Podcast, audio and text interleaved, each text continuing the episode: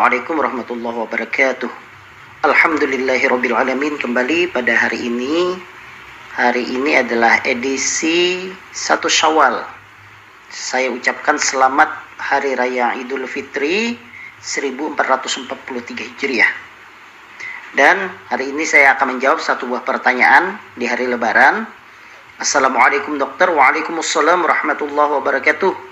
Saya perempuan usia 52 tahun punya penyakit asam urat, kolesterol, dan hipertensi. Saya mau bertanya, bagaimana tips menjaga pola makan yang benar dan aman pada saat hari raya? Saya khawatir makan menjadi tidak terkontrol karena semuanya mau dicicipi. Apalagi kalau bertamu ke tempat saudara dan tetangga, menu makanannya banyak yang bersantan, berlemak, dan manis-manis. Maka komplitlah sudah. Rezeki yang tidak bisa ditolak. Dimakan salah, tidak dimakan rugi Meskipun kita pulang, muncul perasaan bersalah pada diri sendiri karena tidak disiplin soal makan. Mohon dok, dibagikan motivasi agar bisa menjaga pola makan di hari raya. Terima kasih dari Ibu Wirda Ayu. Baik Ibu Wirda Ayu, terima kasih atas pertanyaannya. Tradisi Lebaran adalah salah satu tradisi di Indonesia di mana menyiapkan makanan itu adalah salah satu hal yang wajib untuk dilakukan.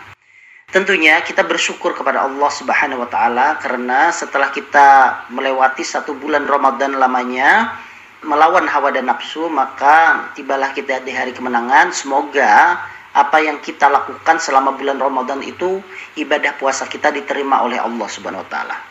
Nah, kembali pada tanggal 1 Syawal tentunya selain kita bersilaturahmi, saling memaafkan kalau seandainya ada hal yang kurang berkenan kepada handai taulan saudara dan semuanya maka tradisi makan makanan juga tidak bisa ditinggalkan tradisi makanan ini tentu menjadi dilema bagi beberapa penderita penyakit-penyakit kronik seperti kencing manis, hipertensi, kolesterol, asam urat dan sebagainya. Bagaimana saran saya?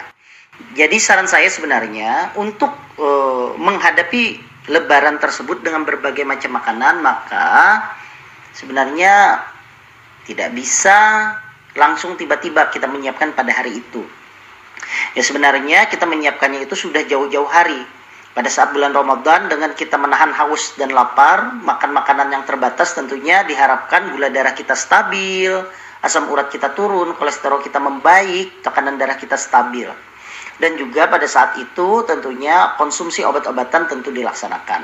Nah, kalau itu dilaksanakan dan kolesterol kita dalam keadaan yang normal, asam urat dalam keadaan yang normal, walaupun ada riwayat misalnya kolesterol tinggi, asam urat tinggi, kemudian tensinya terkontrol, gula darahnya terkontrol, maka pada saat lebaran hanya dalam satu hari ya tidak apa-apa untuk mengonsumsi makanan yang disediakan. Tapi tanda petik tentunya tidak berlebihan, tetap terbatas, tidak semuanya dimakan artinya kalau ada sajian ya kita tidak perlu full untuk mengambil makanannya hanya mungkin seperempat atau setengah makanannya saja.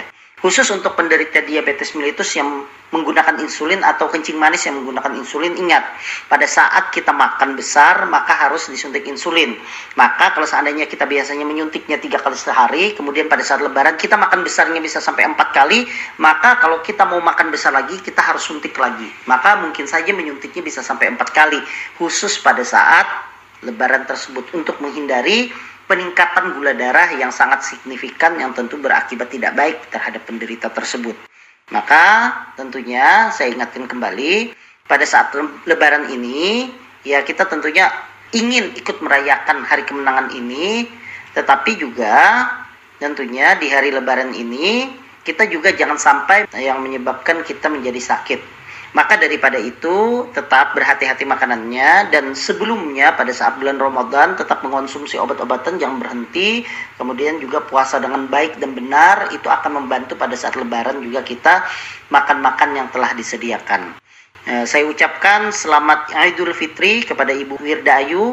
Mudah-mudahan hari ini dalam mengonsumsi makan lebaran itu bisa jangan berlebihan, bisa dijaga, tetapi tetap dikonsumsi apa yang diberikan tersebut. Dan kepada seluruh jemaah yang mendengarkan radio Al Jihad ini, saya pribadi, Dr. Meldi Muzada Elva, mengucapkan selamat Hari Raya Idul Fitri 1443 Hijriah dan saya memohon maaf apabila selama mengampu dan menjawab soal-soal yang telah disampaikan oleh para jemaah semuanya terdapat salah dan khilaf yang bisa menimbulkan hal yang tidak mengenakan. Mohon dimaafkan. Semoga amal ibadah kita diterima oleh Allah Subhanahu wa taala. Wassalamualaikum warahmatullahi wabarakatuh.